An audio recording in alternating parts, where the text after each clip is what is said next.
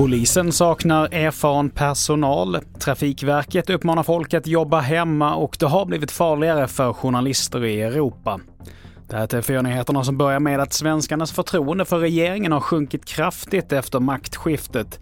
Det visar Mediaakademins förtroendebarometer som släpptes nu på morgonen. Årets tapp på 16 procentenheter är det största som uppmätts efter ett valår sedan barometern startade 1997. Det beror på eh, flera olika orsaker. Dels att det är en ny regering. Vi har sett det tidigare med, med Socialdemokraterna.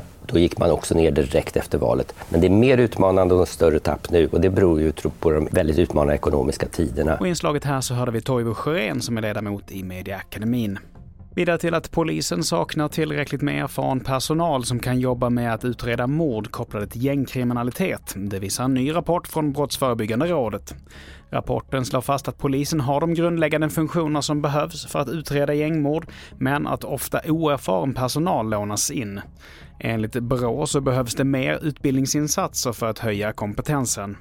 Och vi fortsätter med att det kraftiga snöoväder som just nu drar in över Sverige västerifrån och SMH har ju utfärdat två orangea varningar för snöfall och hårda vindar i södra Sverige. Det varnas för strömavbrott, flera tåg och bussavgångar har ställts in och Trafikverket uppmanar att de som kan ska jobba hemma idag eftersom det kan vara svårt att ta sig fram i trafiken. Och så här säger Bengt Olsson som är presschef på Trafikverket. Det här är en sån här dag man behöver tänka efter lite före. Man ska följa väderleksrapporterna i tv och radio och vara noga med att följa den aktiva förändringen och kolla där och ta ett beslut först. Ska jag ut eller inte? Till sist under förra året så miste 12 journalister och mediearbetare livet och ytterligare 21 har skadats under Rysslands invasionskrig av Ukraina. Det visar en årlig rapport från Europarådet och under 2022 så publicerades 289 varningar om allvarliga hot eller attacker mot mediefriheten i 37 länder. Rapporten visar också att det har blivit vanligare med frihetsberövande av journalister i Europa. Fler nyheter hittar du på tv4.se. Jag heter Mattias Nordgren.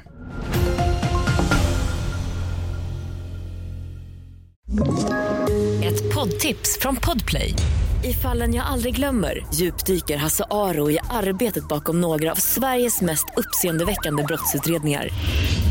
Går vi in med hemlig telefonavlyssning och, och då upplever vi att vi får en total förändring av hans beteende. Vad är det som händer nu? Vem är det som läcker? Och så säger han att jag är kriminell, jag har varit kriminell i hela mitt liv men att mörda ett barn, där går min gräns. Nya säsongen av Fallen jag aldrig glömmer på Podplay.